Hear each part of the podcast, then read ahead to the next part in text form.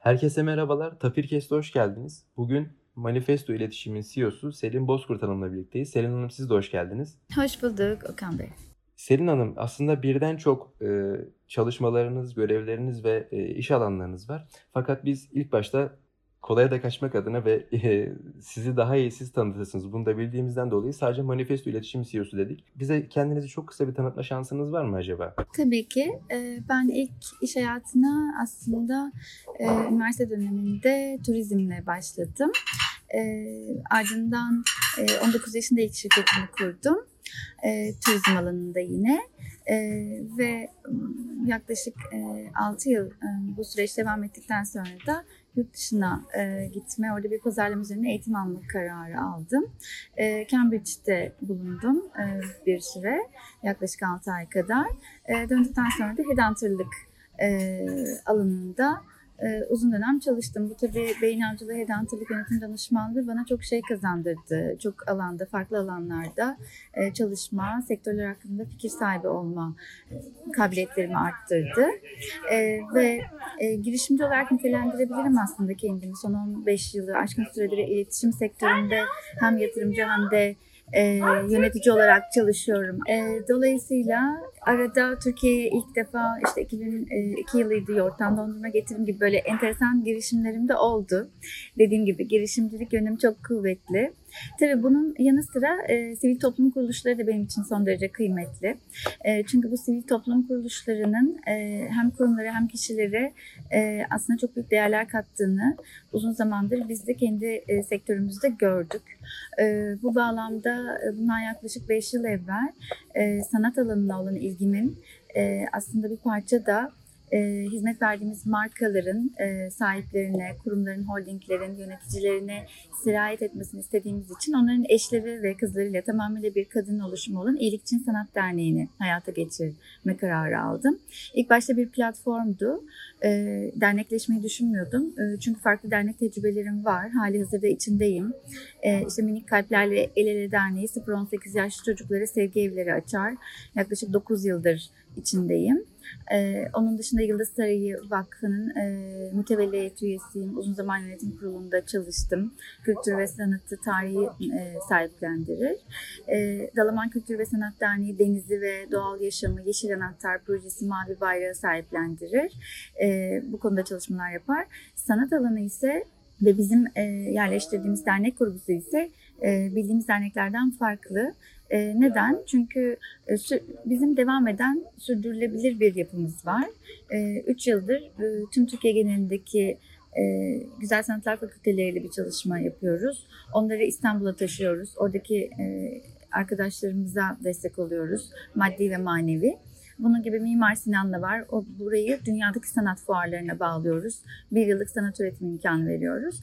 Ee, bir atölyecer projemiz var. Kurumları sanata katıyoruz. Bunları daha detaylı konuşuruz tabii yeri gelince ama sivil toplum kuruluşları da benim için e, gerçekten çok büyük önem arz ediyor. Profesyonel mesleğim e, manifestonun yanında.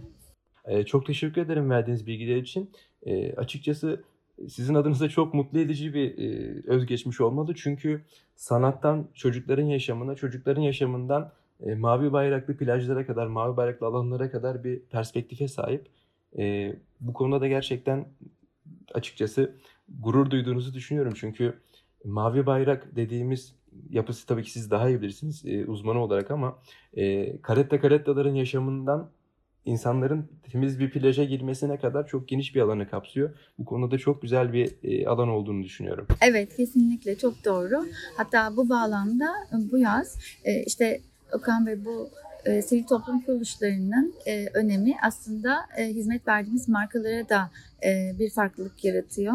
E, bu şu demek, e, biz mesela Carrefour'sa, hizmet verdiğimiz markalardan Carrefour'sa için mavi teknesiyle e, Göcek'teki koylara hizmet ediyor bu mavi tekne. Dedik ki sadece bir mavi tekne, bir süpermarket, bir market hizmetini görmüyor. Aynı zamanda sosyal sorumluluk projesi ile yeni bir e, farklılık kazandırıyor dedik Carrefour'sa. O yüzden Dalaman Kültür ve Sanat Derneği Daksader'le bir çalışma başlattık.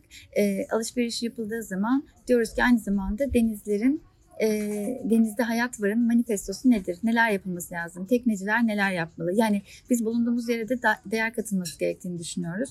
Tabii öncü olarak bu kurumların içerisinde olduğumuz için yani sivil toplum kuruluşlarının e, tabii ki markalarla e, STK'lar arasında köprü görevi de kuruyoruz. Bu mesela çok önemli oldu bizim için. Bu yaz başlattık. Yani içinde olmanın yanı sıra e, bunun tabii ki bir faydası da müşterilerimize değer katmak oluyor. E, çok anlamlı bir proje oldu. Çok ilgi çekiyor. Çünkü biliyorsunuz pandemi süreciyle birlikte çevrenin önemi daha da arttı çevreye karşı duyarlı olmamızın. Belki geçen sene böyle bir projenin içerisinde olsaydık çok değil. Evet doğru dikkatli olunmalıydı ama bu denli belki dikkat çekmezdi. Bu denli önemli e, sayılmazdı. Ama şimdi baktığınızda herkes bu konuda daha duyarlı. E, ve duyarlı olan kurumlara karşı bir duygusal bağ oluşuyor tabii. Kesinlikle. Çok doğru bir kelime kullandınız. Duygusallık. Bu sanırım insanların yaşadığı bu günlerdeki kayıplar, e, acılar, işte sağlıkçıların yaşadığı zor durumlarda sanırım insanları biraz duygusal olmaya itti. Bunun da etkisiyle dediğiniz gibi artık insanların olaylara yaklaşımı daha vicdanlı oldu diyeyim. E, ben de bunu hissediyorum. E, tabii bunun böyle kötü bir olayla insanların tecrübe etmesi hoş olmadı ama e, artık zararın neresinden dönersek kardır diye düşünmekten başka çaremiz yok. Tabii çok hızlı adapte olduk. Yani aslında bu zaten olması gereken bir noktaydı. Böyle sanki hızlandırılmış. Hani ilkokul birden üniversite son sınıf böyle bir, bir günde olur ya bunu zamanla eritmek gerekirken, sindirmek gerekirken çok hızlı bir adaptasyon süreci oldu. Düşünün ki bir anda 70-80 yaşındaki değil mi hani büyüklerimiz bir anda e, Zoom'u kullanmak zorunda değil mi? İnternetle tanışmak, tanışmadıysa bilgisayarı açıp kapatmak yani bütün olayları e, bu dijitalleşme konusunda kendilerini geliştirme zorunda mecburiyetinde kaldılar. Yani normalde böyle bir durumları yoktu. Hızlandırılmış kur gibi oldu. bir nevi öyle diyebiliriz. Evet aynen öyle. Ben işte tam mezuniyetime doğru giderken bu süreçler yaşanmaya başladı. Şöyle oldu. Dersleri bir anda tahtada hocanın kaleminden izlerken, takip ederken bir anda evimde otururken işte yatağıma çok yakın bir yerde masamda dersi dinlemeye başladım. Hani gerçekten çok ani oldu. Yani evet bir süre okullar e, tatil oldu ama dediğiniz gibi o sert geçişi ben de hissettim. Bir anda hocanın kalemini e, ekrandaki bir piksel e, kombinasyon olarak görmeye başladım. Değil mi? Düşünün. Yani bunu siz bu ki e, bildiğim kadarıyla değil mi? E, elektrik, elektronik mühendisliği. Yani sizin zaten hani yakınsınız. Bir de büyükleri düşünün. Hani etrafınızdaki. Ne kadar zor ama hızlı sert bir geçiş. Bizler için. Ben de Zoom'la mesela pandemide tanıştım. Yani hiç Zoom toplantısı düşünmezdik şu anda değil mi? Artık bu böyle hani yeni normal diyoruz buna zaten. Yeni normalde bu zaten çok normalmiş gibi. Zaten uzaktan değil mi? Aynen öyle. İnsanlar toplantı yapalım demiyordu hadi Zoom'a geçelim diyoruz. Yani artık e, Zoom'da bir markanın ismi olarak bir işin adı oldu aslında teknik olarak. Selin Hanım aslında birçok gelişmeden bahsettik. Son zamanda çok da hızlanmıştı ama zaten dijital teknolojiler çok hızlı bir evrim geçirmeye başlamıştı. Yani üretimden, organizasyon, tanıtım her alanda insanlar teknolojinin bütün imkanlarından sonuna kadar faydalanıyorlardı. Yani görsel ışık şölenlerinden organizasyonların e, afişlerinin dağıtımına kadar insanlar teknolojiyi son raddesine, son e, gücüne kadar kullanıyorlar. Sizin de içinde bulunduğunuz alanların hemen hemen hepsi diyebiliriz. Siz şirketlere dijitalleşme konusunda danışmanlık sağlıyorsunuz uluslararası bir şirket olarak. Siz bu konuda şirketin yöneticisi olarak e, işin içeriden nasıl göründüğünü bize aktarabilir misiniz? Yani bu dijitalleşme şirketler arasındaki bağları nasıl etkiliyor? Ve bir yönetici olarak bu konudaki fikirlerinizi dinlemek isteriz. Tabii. Şimdi şöyle, e, biz Manifesto İletişim olarak iletişim etkinlik, kreatif, dijital medya ve medya satın alma süreçlerinde 360 derece e, bir ajans görevini üstleniyoruz. E, 11. yılımızdayız, 12. yılımızdayız. Yani 7-8-2009'da kurulduk. 10. yılımızı tamamlamıştık zaten. İşte 11. yılımızdayız. Bu süreç içerisinde e, bizim e, ben ve iki ortağım daha var. E, birlikte yürütüyoruz bütün bu çalışmaları. E, tabii ki bizimle birlikte çok uzun zamandır çalışan işte genel müdür yardımcılarımız ve ekibimizle birlikte. Tabii e, bizim özellikle pandemi süreci için söylüyorum.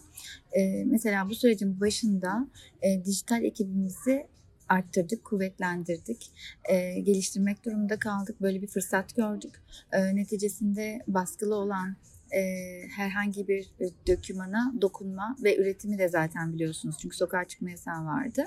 O bir anda böyle filmden e, uzaklaştı. Şimdi yeni yeni tekrar aynı süreç geri gelmeye başlıyor. Dolayısıyla dijitalleşme kaçınılmaz oldu. Yani ofislerimiz dijitalleşti. E, buna uyum sağlayamayanlar ya da sektörleri bunlara uygun olmayanlar e, zaten e, bu e, o durumdan e, çok büyük darbe aldılar işte turizm sektörü. Yani uyumlanmak mümkün değil çünkü orada hizmet sektöründesiniz. İşte yiyecek içecek sektörü uyumlanamıyorsunuz çünkü kapalı. Ama bazı sektörler bunlardan çok ciddi etkilenirken bazılarında da fırsata dönüştü. Dolayısıyla e, dijitalleşme ile alakalı bazı sektörlerin çok ciddi anlamda etkilendiğini ama bazılarında bunu fırsat haline getirip e, aslında buradan e, karlı bir şekilde hiç umulmadık kadar e, ivme kazandığını söyleyebilirim. E, biz hizmet verdiğimiz markalarda bunu gördük. E, biliyorsunuz ki ilaç sektörü e, bu anlamda işte lojistik sektör, bu kurye kargo, bütün bunlar e, bunlarda çok ciddi bir artış oldu. E, yapılanma anlamında, e, talep anlamında. E, tabii ki buna gıda girdi işte hizmet verdiğimiz markalardan Carrefour'da var. Hiç umulmadık kadar online'da büyük bir biliyorsunuz tabiri caizse patlama oldu. Bu çok önemli. Yani umulmadık bir beklentiyle karşılaşıldı. Hiç beklenmedik. E, tabii buna adaptasyon, buna adapte olabilenler artıyla çıktı ama buna tabii ki uyumlanamayanlar da büyük sıkıntı.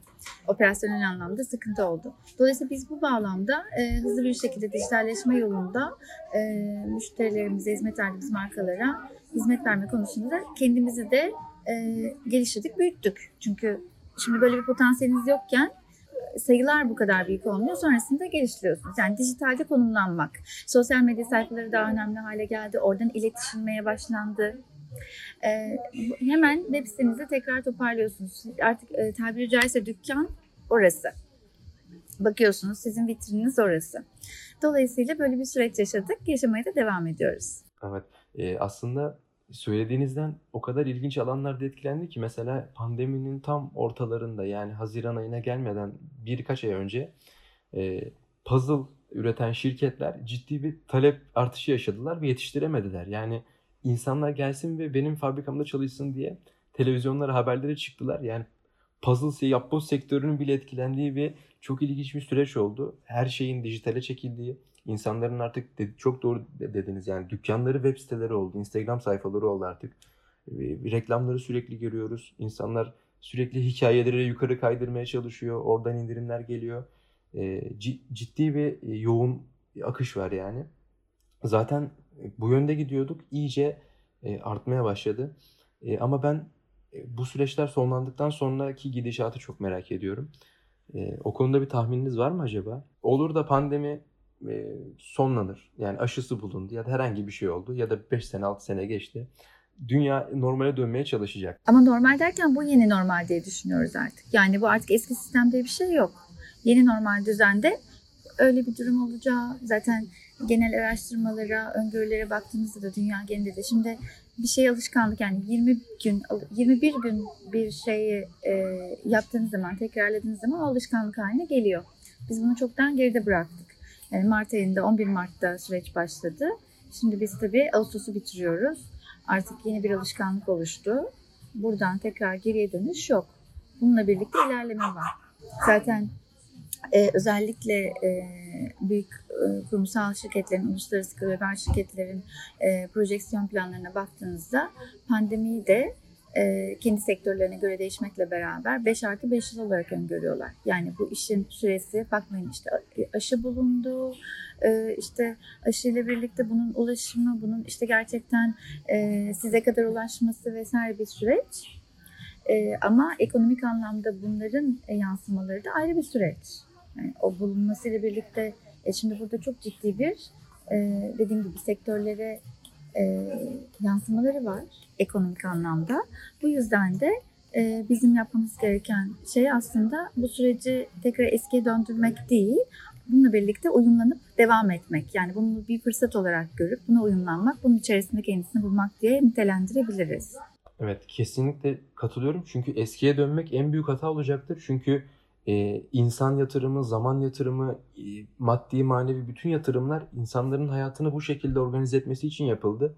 e, geriye dönmek çok büyük bir hata ve zaman kaybı olacaktır. Bence de ben de öyle düşünüyorum. Zaten evet e, zannetmiyorum ki tekrar geriye dönüşle alakalı bir değil mi beklenti olsun. Buna e, buna uyumlanıp bununla devam etmek gibi düşünebiliriz. Evet doğru.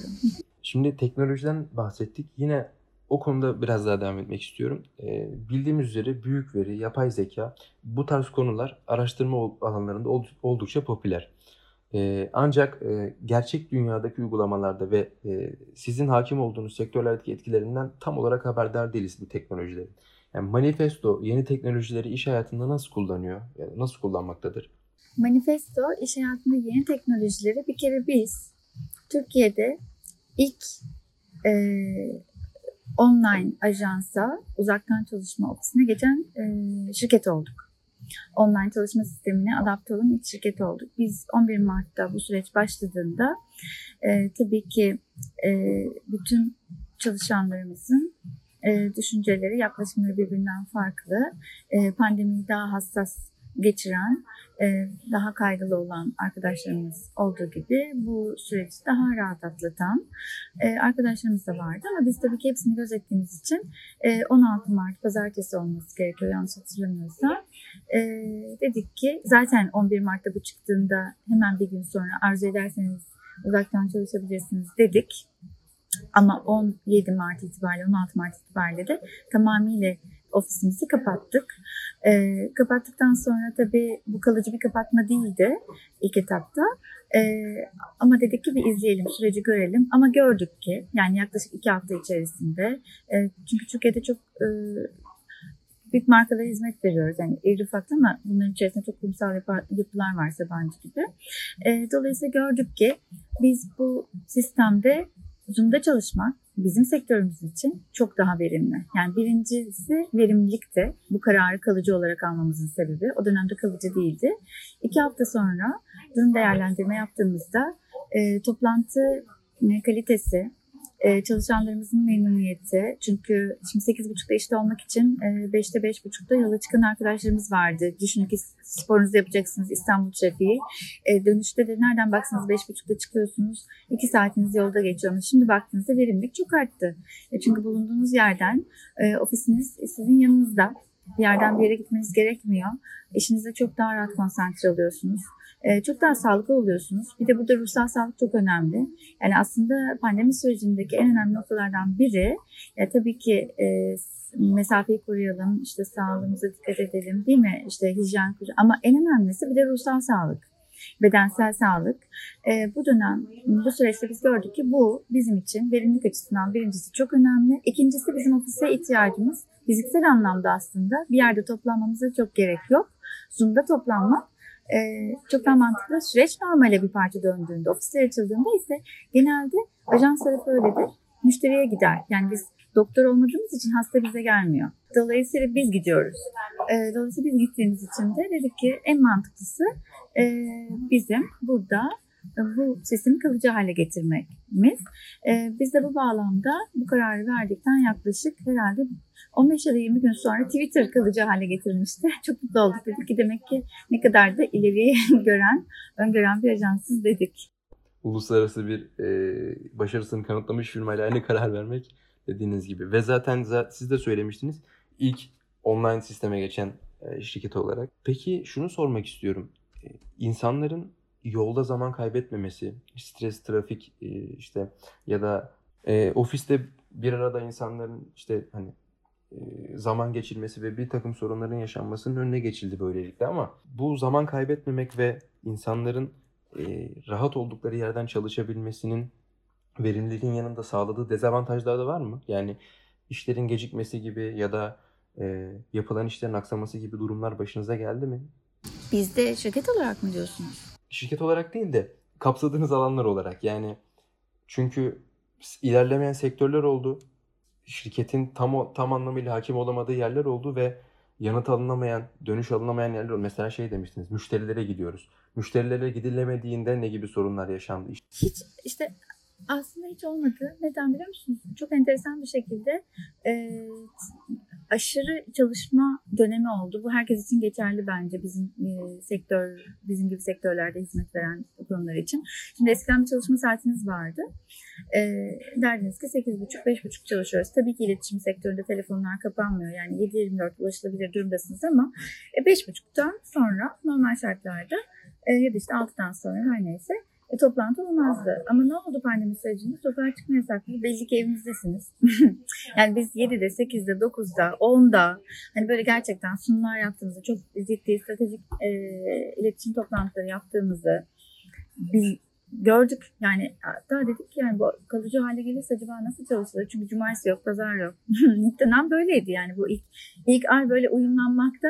Ee, işte mesela düşünün ki saat 9-10 ee, işte evde çocuğu olan var tabii çocuk sesi geliyor çok, onu uyutunca yapalım diyorlar falan. Yani ilk etapta ulaşılamamak değil tam tersi fazla ulaşılmak gibi bakabiliriz.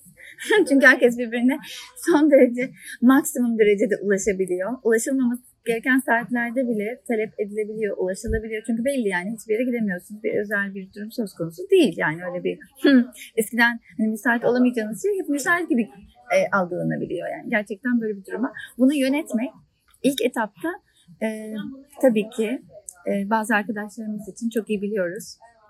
Farklı kurumlarla, sektörlerle de konuştuğumuzda ciddi sıkıntı oldu. Yani bu işin aşırı dozda çalışmak diyebiliriz.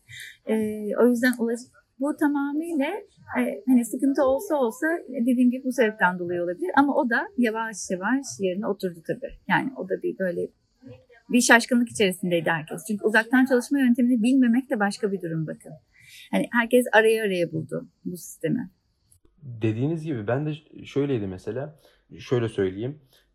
İnsanlarla konuşurken veya birisine gece yazmam gerekirken, mail atmam gerekirse veya WhatsApp üzerinden ulaşmam gerekiyorsa belirli bir saatten sonra yazmaktan çekinirdim ama artık öyle değil. Yani belirli bir saatlerde yazmaya çekindiğim insanlarla artık daha geç saatlerde toplantılar yapıyoruz. 11.30, 12, 1. Artık bu normal oldu yani. Bu da güzel bir şey aslında zamanı da aslında esnetmiş olduk. Daha da esnetmiş olduk. Bu, bu açıdan çok güzel oldu. Çok faydasını gördüm ben de açıkçası kendi adıma. Değil mi? Gerçekten öyle. Ee, şimdi daha Chemicals'ta çalışan bir arkadaşımız var. Ee, Türkiye direktörü. Enteresan. 60 bin çalışanı var. Ee, uzun dönem bir danışmanlık almışlar yurt dışından, Amerikalı bir firmadan. Bu e, uzaktan çalışma sisteminin ne olduğu konusunda. Şimdi işin enteresan tarafı uzaktan çalışan başka e, yani bundan önceki dönemlerde de uzaktan çalışan bir sistem vardı. Yok değildi ama şimdi bu biliyorsunuz e, kalıcı hale geldi herkes için. Yani pek çok kişi için. E, şimdi uzaktan çalışma şöyle bir dezavantajı oldu bazı kesimlerde. Belki siz de duymuşsunuzdur. E, şimdi mesela diyelim ki neredesiniz? E? Lokasyon yok artık. Yani İstanbul'da olabilirsiniz, Bodrum'da olabilirsiniz, Çeşme'de olabilirsiniz. Eskiden şu gözle bakıldı. Aa Çeşme'deysen tamam hani tatildesindir. Hayır çalışıyorum burada. Yok yok hani değildir falan. Çünkü artık hani o, o, da yıkıldı. Bodrum'da aa tabii tabii ne zaman dönüyorsun tatilden? Hayır çalışıyorum yani burada hiçbir şey fark etmiyor. Sabah 9'da başlıyoruz. İşte 6'ya kadar toplantı. Ya gerçekten yani şimdi bunu artık herkes özümsemeye başladı. Bu daha gerçekçi oldu. Gerçekten öyle çünkü böyle yeni normal dediğimiz düzende pek çok e, pek çok konu var aslında. Aynen öyle. Ben de öyle düşünüyorum. Ee, arkadaşlarım hatta bitirme projelerinin sunumlarına bildiğiniz böyle arkalarında yeşillik, e, üstlerinde gömlekler falan geldiler sunumlarını yaptılar. Güzeldi yani ilginçti.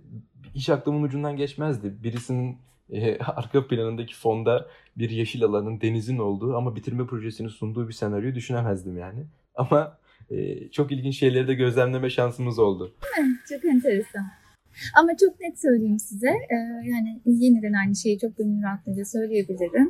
E, hiç ummadığımız bir çalışma modeli, e, daha evvel konuşurduk. Çünkü manifesto olarak bizim ayrıştığımız noktalardan bir tanesi, şirketi kurduğumuz, yani 11 yıl önce verdiğimiz kararlardan bir tanesi de dijitalleşmeye o zaman çok önem vermiştik. Yani ilk kurulduğumuzda size şunu söyleyeyim, hatırlar mısınız bilmiyorum, yani yıl 2007, işte 2005-2006 bu Facebook falan yeni çıktığında Messenger vardı zaten. E, e, e, Messenger, o MSN e, ekranda açık olduğunda e, problemdi kurumsal şirketlerde. Orada chat yapıyorsun yani mutlu, herhalde işten kaytarıyorsun gibi bakılırdı. Şimdi bakın nereden nereye e, MSN böyle Facebook ilkokul arkadaşını bulmak gibi aranırken bizim bakış açımızda manifesto ile biz şirketi kurduğumuz gün bütün bu sayfaları sahiplendik. E, kartvizitlerimizde Facebook, Twitter, e, LinkedIn'in logosu vardı. Çok şaşırdı o zaman görüştüğümüz kurumlar. İlk müşterimizi Maya Holding'de çok unutmuyorum. E, Facebook'tan aldık. Bakın yani biz zaten hani bu dijitalleşme ve şirketin altyapısı server sistemine çok ciddi yatırım yaptığımız için bizim için kolay bir geçiş oldu. Ki buna sıcak bakmadık bunca zaman yatırım yapmamıza rağmen. Ama e, geçişimiz e, hem güvenli oldu. Şimdi kısım önemli. E, hem de bu, bu alanda böyle pratik ilgi olduğu zaman ilginin olduğu yerde zaten siz verimli hale geliyorsunuz, büyüyorsunuz. Bu kısım çok önemli. Dolayısıyla e, bizim için kazançlı bir sistem oldu, verimli oldu. Biz kendi adımıza e, gerçekten pandemi sürecini artık e, o süreç devam ediyor ama e, hiç ummadığımız kadar e, verimli her açıdan e, hem çalışan memnuniyeti hem e, şirket ve hizmet verdiğimiz markalar memnuniyeti açısından e, gerçekten verimli atlattığımızı görüyoruz. Yani verilere bakarak söylüyoruz bunu. Kesinlikle. Ya zaten sizin çok uzun süre önce yaptığınızı insanlar artık hayatını yeni adapte etmeye çalışıyor. E-mail üzerinden yaptıkları o insanları bilgi ekleyerek sürekli kontrol içinde yapılan o haberleşme mekanizmasını çok basit indirgeyen WhatsApp'ı kullanıyor insanlar. Yani Twitter'da görüyorum bazı akademisyenleri takip ediyorum. E, kimisi çok karşı çıksa da birçoğu şöyle diyor. Ben öğrencilerime veya beraber çalıştığım insanlara numaramı veriyorum ve saatten bağımsız istediğim zaman istediğim yerde istediğim çözünürlükteki bilgiyi kendisinden WhatsApp üzerinden alabiliyorum diyor. Yani tabii ki işin raporunu WhatsApp'tan almıyordur ama o gün o an senkronize olmak için gereken bütün veriyi WhatsApp üzerinden alabiliyor insanlardan. Bu çok güzel bir durum. Yani eskiden insanlar bu kadar ağırlık vermezdi WhatsApp'a veya Zoom'a veya herhangi bir platforma. Ama artık çok ciddi ağırlıkları var. Bir de e, insanların teknolojik evrimlerde bu karşısına çıkan platformlar, mecralar oluyor. Bunların tabii ki e, en önemli yanlarından birisi de estetik, göze güzel gözükme. E, yani insanlara çünkü bir ekran içerisinde ne sunabiliyorsak onu verebiliyoruz. Böyle kötü bir arayüzle insanlara bir şeyler sunmak istemiyoruz. E, fakat bu estetik hayatımızın her alanında var. Yani şirketlerin ürün tasarımlarına zaten verdiği önem aşikar hepimiz biliyoruz. Bunu da şuraya bağlamak istiyorum. Sizin zaten birçok e, sanat derneğinde çalışmanız var. Ee, az önce siz de bahsettiğiniz podcast'in başında da. İyilik için Sanat Derneği çalışmalarınızda pek çok sanatçı ve sanatçı adayına imkan sağladığınızı okuduk. Bizlere biraz İyilik için Sanat Derneği'nden bahsedebilir misiniz acaba? Tabii ki memnuniyetle. İyilik için Sanat Derneği'nin amacı, kuruluş amacı Türkiye'deki güncel sanatı takip etmek. E, uluslararası platformlarda e, ülkemizi temsil etmiş sanatçıları yakından tanımak e, üzere kuruldu. E, kurulduktan e, kuruldu ve bu amaçla da her çarşamba bu belirlenmiş sanatçılara işte adlarını bildiğiniz gibi ilk etapta Günselik Atölye başladık. İşte Ahmet Güneşlik Devrimler Bilgi diye başlayan işte Adnan Jokerler, Özdemir Altanlar. Böyle bir 20 ziyaret planlamıştık. E, fakat baktık ki bu 20 ziyaret, bu bahsettiğim üyelerle birlikte tamamen bir kadın oluşumu. E, üyelerle birlikte e, ee, 20 ziyarete baktık. 20 ziyaret meğerse çok e, işin başıymış. Yani 20 ziyaret bizim gözümüzde büyürken biz geçtiğimiz hafta yani dün değil evvelsi gün 263. ziyaretimizi geride bıraktık. Yani düşünün Türkiye güncel sanatına ilişkin bunca sanatçıyı tanıma, tanırken tabii sohbet ederken de e, bu alanda neler yapılmasına ilişkin hem hayallerimiz sorma hem de fikir alışverişinde bulunma fırsatımız oldu. E, işte tam da burada ihtiyaçlardan yola çıkarak üç tane proje geliştirdik. Üç yıl önce başladı. Bunlardan bir tanesi Pasaj'da bir yıl. Profesör Nedret Sekban ve Aynı okulda Mimar Sinan Güzel Sanatlar Fakültesi'nde o dönem öğretim görevlisi olan Aslı Özok'la beraber onları e, mentor olarak başına koyduğumuz, rica ettiğimiz. E, çünkü biz projelerimizde e, mutlaka e, işi bilen kişilerin e, mutlaka işin mentoru olmasını istiyoruz. E, onun dışında içinde yer alan kişilerin de sanatçıların onlar tarafından seçilmesini öneriyoruz. E, bu bağlamda o 3 yıl önce e, Profesör e, Nede Sekba'nın e, atölyesi Tekstil Kent'e hemen yanındaki atölyeyi e, tuttuk E, ve bu çok hızlı oldu. Biz bir şey karar verdiğimizde iki hafta yani maksimum iki hafta içerisinde yönetim kurulu kararı aldık. Orayı tuttuk. E, tefrişatını yaptıktan sonra atölye düzenine getirdik. E, iki hafta sonra dedik ki biz tefrişatını yaptık. E, siz bu e, öğrencilerim, daha doğrusu öğrenci de değil onlar aslında e, profesyonel sanatçı adayları. E, profesyonel sanatçı adayları 10 tane her yıl Mimar Sinan Güzel Sanatlar e, Fakültesindeki öğrencilerden oluşuyor. E, her sene 10 kişiye böyle bir imkan veriyoruz. Nedir imkan? Bir yıllık sanat üretimi imkanını tamamıyla biz sağlıyoruz. Boya, tuval, aklınıza gelecek bütün malzeme. Orada bir tekstil e, kentteki atölyemizde bir atölye imkanı var. E, işte bütün oradaki e, giderlerini biz e, organize ediyoruz. Onların yol yemek ücretleri ve İngilizce eğitimleri de bizim tarafımızdan sağlanıyor. Bir yıl boyunca onlar hiçbir şey düşünmeden üretim yapıyorlar. Ondan sonra e, bu üretimi tamamladıktan sonra haftada dört gün minimum gelme mecburiyetleri var ki atölye aktif bir şekilde kullanılsın. Üretmeleri gereken eser ebatları konusunda hocalarıyla mutabıklar. E, yıl sonunda bir tane sergi açıyoruz. O sergi neticesinde e, %60'ı işte sanatçıya %40'ı bu ilk için sanat fonuna kalacak şekilde bir planlama yapıyoruz ki hem serginin maliyeti hem de bu arkadaşlarımızın yurt dışındaki ziyaret maliyeti. E, kaldı ki bu yeterli olmuyor yani oradan e, toplanan yüzde 40. Dolayısıyla dernek yöneticileri ve üyeler olarak biz destek oluyoruz tabii ki. Çünkü üyelik aidatlarıyla birlikte destekleniyor aynı zamanda bu yapı. E, çünkü düşünün e, bir yıllık işte kirası, elektriği, su yani ciddi bir maliyet aslında bakacak olursanız. Bu arkadaşımızın yol yemek ücretleri, işte tuval boya bunlar hepsi çok maliyetli işler. Sonrasında sonrasında da Avrupa Pazarlı'da Venedik Bienali'ne gönderiyoruz bu arkadaşlarımızı. Orayı izliyorlar. Yurt dışı gözü oluyor. Geldikten sonra da ikinci yıl e, dönemi başlıyor. İkinci yılda yeni 10 kişi seçiliyor gibi gibi düşünün. Bu böyle proje devam ederken e, Anadolu İzlenimler diye bir başka projemiz var. Sanatçı Kadir Akyol yönetiminde devam ediyor da. O da üçüncü yılımızda bu sene. E, tüm Türkiye genelindeki Güzel Sanatlar Fakülteleriyle bir çalışmamız var. Her yıl 12 tane ilden İstanbul'u görmemiş, daha önce böyle bir sanat ortamına girmemiş kişiler başarılı olmak kaydıyla e, bölgedeki üniversitelerin dekanları, rektörleri tarafından referans usulü bize bildiriliyor. E, biz her yıl 12 ilden her okuldan da e, bölgeden de üçer genç sanatçı adayını İstanbul'a getiriyoruz. 36 kişi demek oluyor bu. 36 kişi 4 gece 5 gün İstanbul'da konaklıyor. Hangi dönemde? İşte İKSV, Kontemporary İstanbul olduğu dönemde. Bu bağlamda işte Resim Heykel Müzesi, Sakıp Sabancı Müzesi gibi İstanbul Modern gibi müzeleri geziyorlar. E, ciddi anlamda bir sanat ortamına giriyorlar.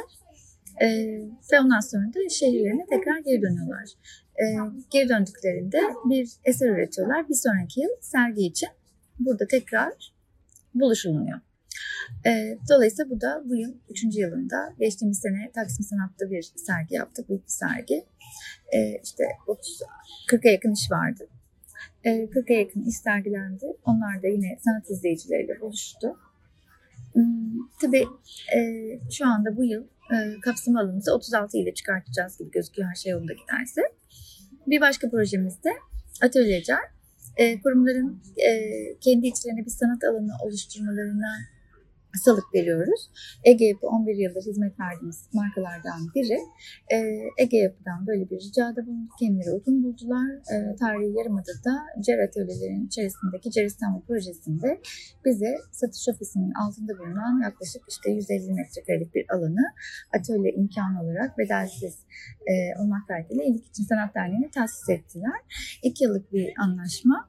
E, burada profesyonel olan sanatçıları genç sanatçılarla buluşturduğumuz 17 tane sanatçının içinde yer aldığı bir projemiz var. Ücretsiz atölye imkanı sunuyoruz. E, proje çerçevesinde sanatçı e, her yıl bitimde bir tane eser Ege Yapı'ya bir tane İlkçin Sanat Derneği'ne bırakıyor. E, gerek Ege Yapı biz gerek de İlkçin Sanat Derneği olarak bu projemizin hayata geçmesinden çok mutluyuz. Ege ile böyle bir işbirliği içerisinde olmakta. Onlar da yeni projelerinde atölyelerin devam etmesi gerektiğini düşünüyorlar. E, çünkü bir üretim merkezi haline geldi tabii bir anda şantiye alanı. Çok kıymetli proje devam ederken. Böyle bir projemiz var. Ee, ben öncelikle duyarlılığınız için teşekkür etmek istiyorum size ve bütün ekip arkadaşlarınıza. Çünkü tamamen insan odaklı ve sürdürülebilirliği temel alan bir e, plan görüyorum burada. Yani hem bugündeki insanları hem yarın gelecek insanları ve bugündeki insanların da hayat kaygılarını elinden almaya çalışarak sadece yapması gereken işe odaklanmasını ve tamamen üretkenliğini arttırmak için e, ve aynı zamanda insanların, çocukların özellikle e, hayatını yurtta geçiren çocukların da hayatını kapsayan bir perspektif olduğunu görüyorum. Bu konuda gerçekten e, teşekkür etmek istiyorum ve gurur duyulacak bir e, süreç olduğunu düşünüyorum. Sağ olun. Ne kadar naziksiniz. Çok teşekkür ederiz. Sağ olun. Çok mutlu oluyoruz böyle geri dönüşleri aldığımız zaman. Sağ olun.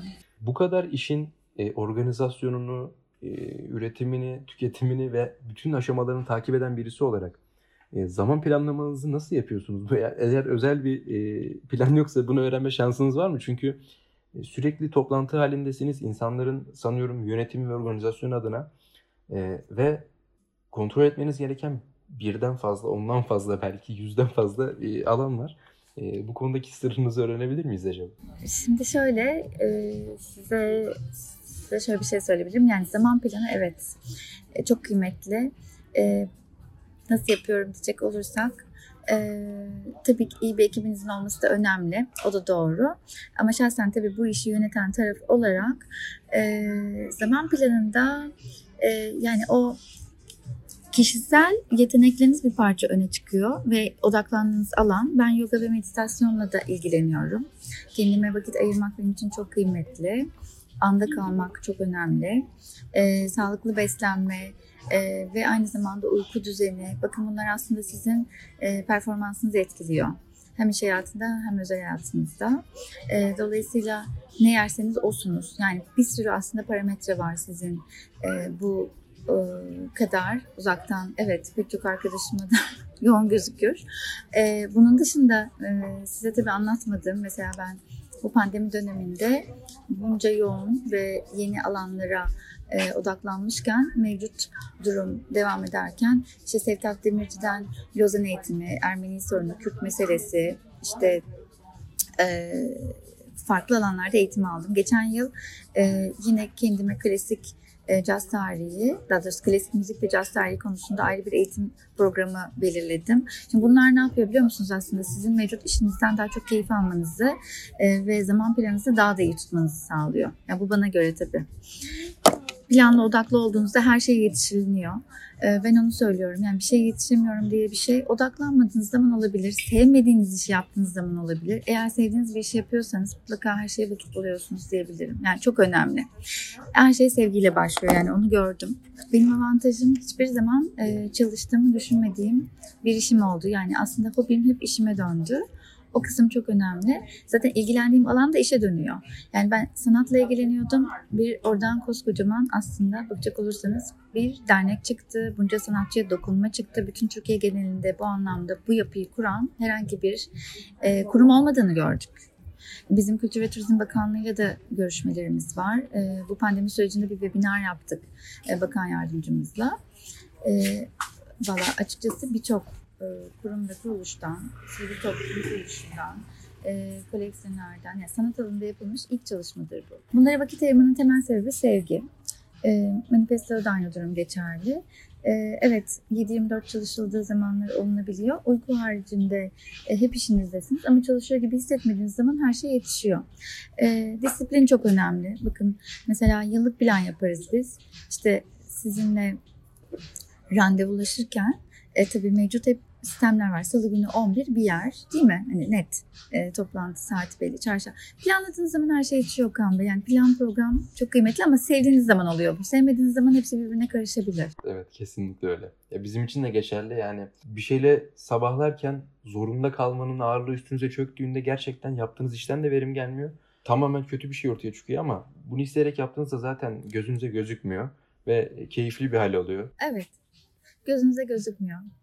Çok net. Yaptığınızdan keyif aldığınızda, çıkan sonuçtan tatmin olduğunuzda zaten sizden iyisi yok. Ee, diğer iş için de bir motivasyon olur. O yüzden sevdiğiniz işi yapmak, e, bir de kendinize zaman ayırmak. İki tane temel sebep söyleyebiliriz. Her şeyin yetişmesi biraz buna bağlı. Kesinlikle. Selin Hanım ben değerli zamanınızı ve bilgilerinizi ayırdığınız için çok teşekkür ederim. Çok memnun olduk. Ne demek? Sağ olun. Ben de çok memnun oldum. Ben de sizi kutluyorum. Ee, yeni bir platform olduğunu biliyorum. Ee, inşallah e, tekrar görüşürüz. Bizim de bir katkımız olur diye düşünüyorum bu sohbete dinleyenlere. İnşallah görüşmek üzere. Ben açıkçası çok memnun oldum. Dinleyenlerin de öyle olacağını düşünüyorum. Ee, zaten yakın zamanda bir e, video planımız var. Umuyoruz ondan sonra da sizinle artık ikinci bir kaydın ya da üçüncü bir kaydın sözünü almış olalım. Tabii ki. Çok mutlu olurum. Seve seve. Seve seve. Çok sağ olun. Siz de sağ olun. Bugün dijital teknolojiler, e, üretim, organizasyon, dernekler ve e, Selin Hanım'ın kendi çalışma alanları konusunda bahsettik. Bugün e, Manifesto İletişimi CEO'su Selin Bozkurt'la birlikteydik. Kendisi bizimle değerli bilgilerini ve zamanını ayırarak paylaştı. E, çok aydınlatıcı bilgiler verdi bize. Herkese dinlediğiniz için teşekkür ederim. Selin Hanım size de teşekkür ederiz. Sağlıklı, mutlu, iyi günler dileriz.